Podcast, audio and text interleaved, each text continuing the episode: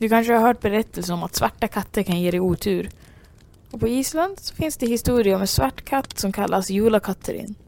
Det betyder julkatten på isländska och namnet gör det kanske inte är så skrämmande. Men i folksägen så sägs det att om du är för lat och för otacksam för dina julklappar så kommer julkatten och äter upp dig. Lost in the night.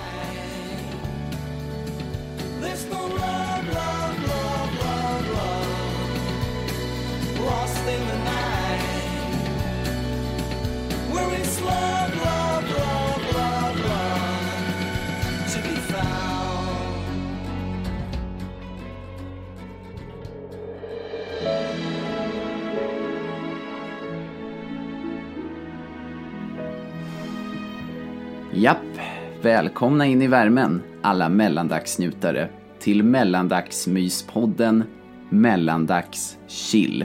Återigen med mig, Rickard Grönberg. Men säg bara Rickard med CK. Och idag, kära vänner, är det semifinal. Det vill säga näst sista avsnittet, åtminstone för i år. Mm. Och idag kommer vi berätta om tre julvarelser för att ladda upp inför finalavsnittet imorgon. Tidigare så fick ni höra lite om Islands monsterkatt, Jola Kötturin. Om det nu är så man uttalar det namnet. Och den katten kommer ni att få höra mer om idag. Och det är Sara Nilsson som är tillbaka hos oss för att berätta den historien. Men innan dess så ska jag som vanligt läsa upp dagens juldikt för er och för julstämningen. Här är det lilla ordet jul.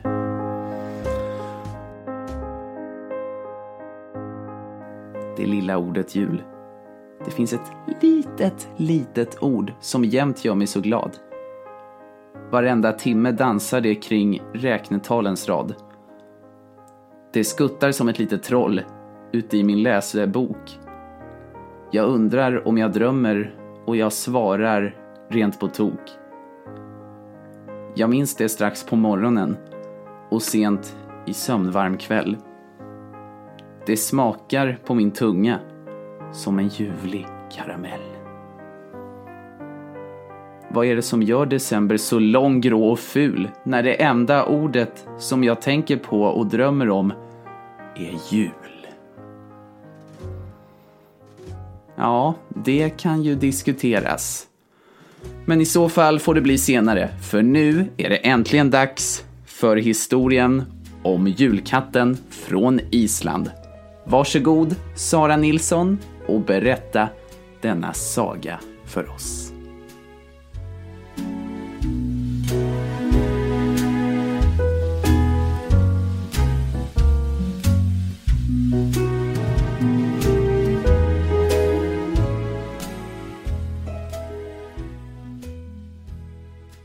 Julakatten, eller på svenska julkatten som jag numera kommer kalla den, är en oftast svart katt som under juletiden strögar runt om på Island för att leta offer som inte fått nya kläder inför jul. Deras vanligaste offer är bönder som kanske inte jobbat tillräckligt hårt för att hinna klippa fåren och göra nya ylletröjor eller strumpor. Och julkatten brukar slå till runt julen. Detta sägs ha varit något de rika hotade bönderna med för att de skulle ta och jobba snabbare. Det sägs även att julkatten är ett husdjur till den mytomspunna getinnan Gryla och hennes familj. Även den isländska poeten Johannes Urkötlum, född 1899, död 1972, har skrivit om i sin dikt Julakattering. Dikten lyder så här på svenska. Du har väl hört om julkatten? En jätte, så fet och stor. Ingen visste var han kom ifrån och ingen var han for. Katten spärrade ögonen upp. Det blinkade och lyste med ett sken. Det var något i det starkaste laget. Att se denna hemska scen. Med morrhår, vassa som köttkrokar. Ryggen spänd som en båge. Och klorna på raggiga tassar var synen fasansfull att skåda. Han piskade med den enorma svansen. Han skuttade, klöste och väste. Han smög nere vid dalen och han tassade ute vid näset. Har du hört honom jämra sig utanför? då stod kyrkogården på tur. För julkatten åt folk, inte möss. Och det var ingen lur. Hans favorit var fattigfolk som varken kunde få eller giva en enda gåva till jul. För det som livet en strid bliva. Kvinnorna slet från morgon till kväll, de kardade spann vid rocken för att få garn till en enda lapp åt någon enda en i socknen. För säkert var, katten kom inte in och tog söta oskyldiga barn om du hade klätt dem fint i kläder av nyspunnet garn. Vissa barn fick förkläde med alla slags kläder de vill. Så länge de fick något var de trygga i ett år till. Om julkatten smyger fortsatt, det vet jag faktiskt ej. Men om vi fått något nytt till jul går det bra för dig och mig. Och kanske bör du minnas att vara givmild och snäll. Kanske ge till ett litet barn som inte fått något ikväll. Då kan du vara den som hjälper och torkar bort en tår. Så alla barn får en glad jul och ett hopp om ett gott nytt år.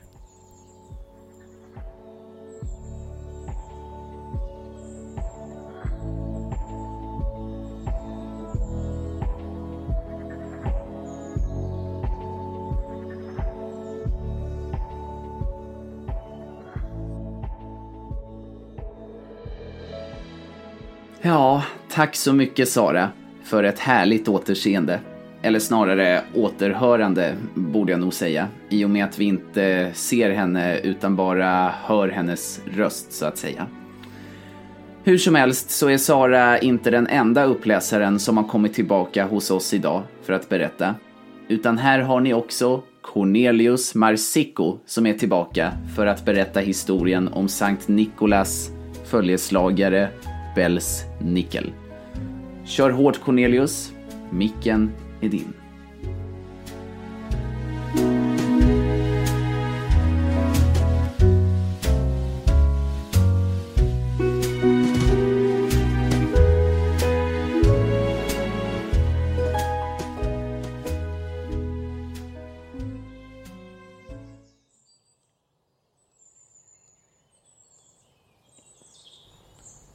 Belsnickel härstammar ifrån norra Tyskland.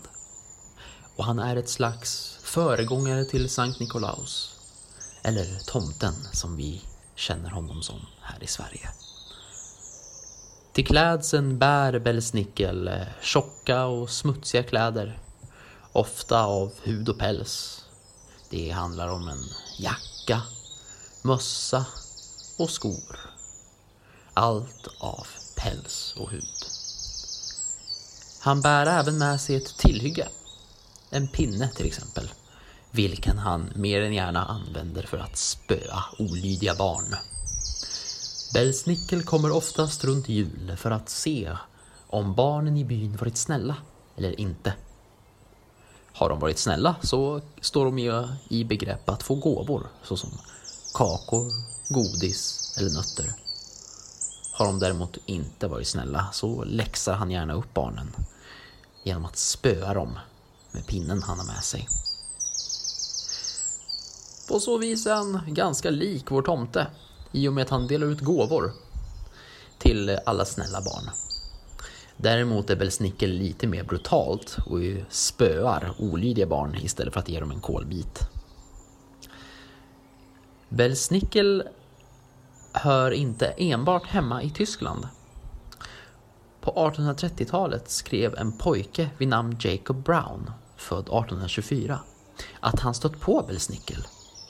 Det är alltså en engelsk pojke. Han skrev så här i sin skoldagbok. Vi hörde inte av jultomten. Istället fick vi besök av en annan karaktär helt och hållet. Och uh, denna karaktär har man tolkat som Belsnickel. Här kommer en historia om honom. Det finns ett land av vildmarksklänningar och klippiga klippor. Av dolda vikar och forntida skogar. Hem för Belsnickel. Bland denna mörka skog, under rötterna till ett stort ekträd, det finns en kalkstensgrotta. Det är helt dolt från sikten. I denna klara grotta gör Belsnickel sitt hem. Han är hårig och täckt av djurskal med mossa i håret och lavar på huden. Och han bor i grottan med sin trogne tjänare Rupert. Rupert är klädd på samma sätt som Belsnickel. Det som skiljer dem åt är att han är ännu smutsigare. Svärtad av sot från många bränder och fläckad av fett från många måltider. Varje år, ungefär den här tiden runt jul, när bladen har kastats börjar vintervindarna tjuta och skogsvarorna förbereder sig för vintern på sitt egna sätt. Belle Snickel och Rupert börjar planera. Planerar kaos och olycka som orsakar förödelse på inkräktarna som bor i deras dal. De återfår händelser från tidigare årstider när de skrämmer boskap, för bort barn och sprider rädsla över hela landsbygden. Bellesnickel har också varit känd för att mata vildlök till mjölkkor. Så deras mjölk kommer att smaka lök och kommer vara otjänlig att använda för alla som Belsnickel anser har inkräktat på hans mark. Men framförallt väntar Belsnickel och Rupert på julafton när alla är inomhus och njuter av säsongens glädje. Det är då Belsnickel blir allra mest förbittrad för att vara störd. Han älskar vintersol, vintersolståndet men kan inte ens vika vid månen. Utan inkräktarna jagar honom med sina grymma hundar. Bellsnickel räknar med att om han inte kan fira ska inte heller någon annan få fira. Sent på natten går han och Rupert från hus till hus. De river upp fönstren och bryter ner dörrarna. Och eftersom de söker hämnd kommer de att rycka barn ur deras sömn och slå dem med strömbrytare. Rupert hoppas också få kasta några barn i sin säck. Till vilket ändamål vet ingen. Vid dessa tankar visar ren glädje i ansiktet på Belsnickel och Rupert. Primitiva chocklar bryter ut från Ruperts snaggliga, skraggliga mun. Och de är båda oroliga för att natten ska falla och för att få börja sin kaosnatt. Älska honom eller hata honom. Belsnickel är en populär jullegend som vem som helst kan frukta och älska samtidigt. Karaktären skapas för att utlösa förödelse under festtiden och det finns många barn som fortfarande tror på Belsnickels raseri i vissa delar av Europa. Den här julen, lova att vara snälla, för barnen behöver se upp.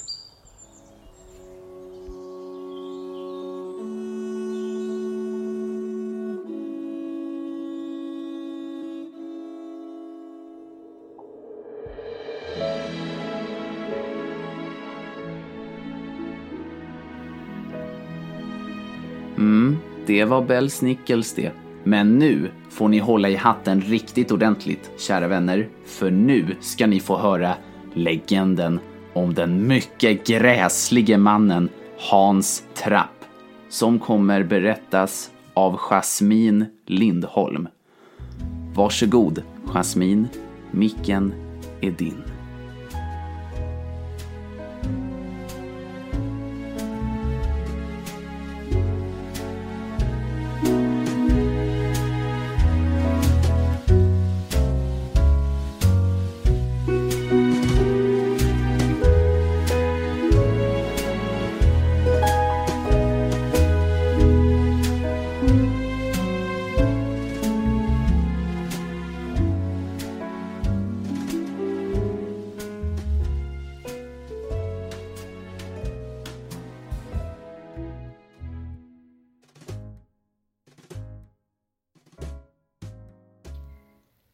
Under 1500-talet så sägs det att en man vid namn Hans Trapp levde i LSS-lotringen. Denna mannen var ingen trevlig figur. Det sägs att han hade en förmögenhet, men trots sin förmögenhet så var han grinig. Men det ryktas även att han tillbad Satan. Detta var något som hans grannar fruktade och var rädd för den griniga mannen. Men när den katolska kyrkan fick reda på vad Hans gjorde så bannlyste de honom och en räd led av stadens bybor gick hem till Hans hus.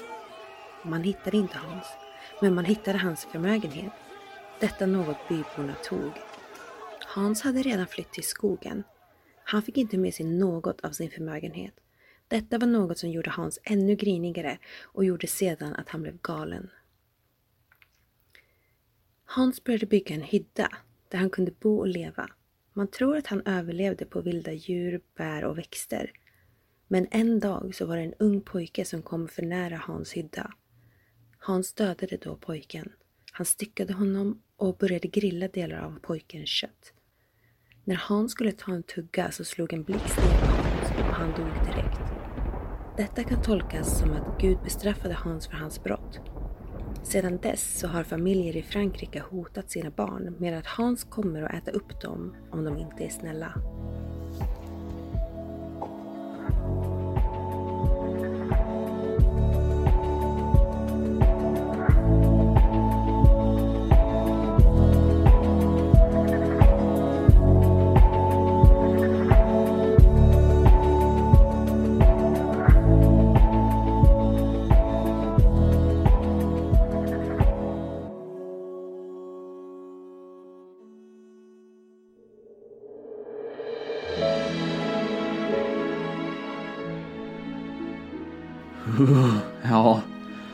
Galna människor som ingen ens kan föreställa sig hur sådana människor ens tänker och ser på världen. Sådana människor som tänker miltals alldeles för långt utanför boxen.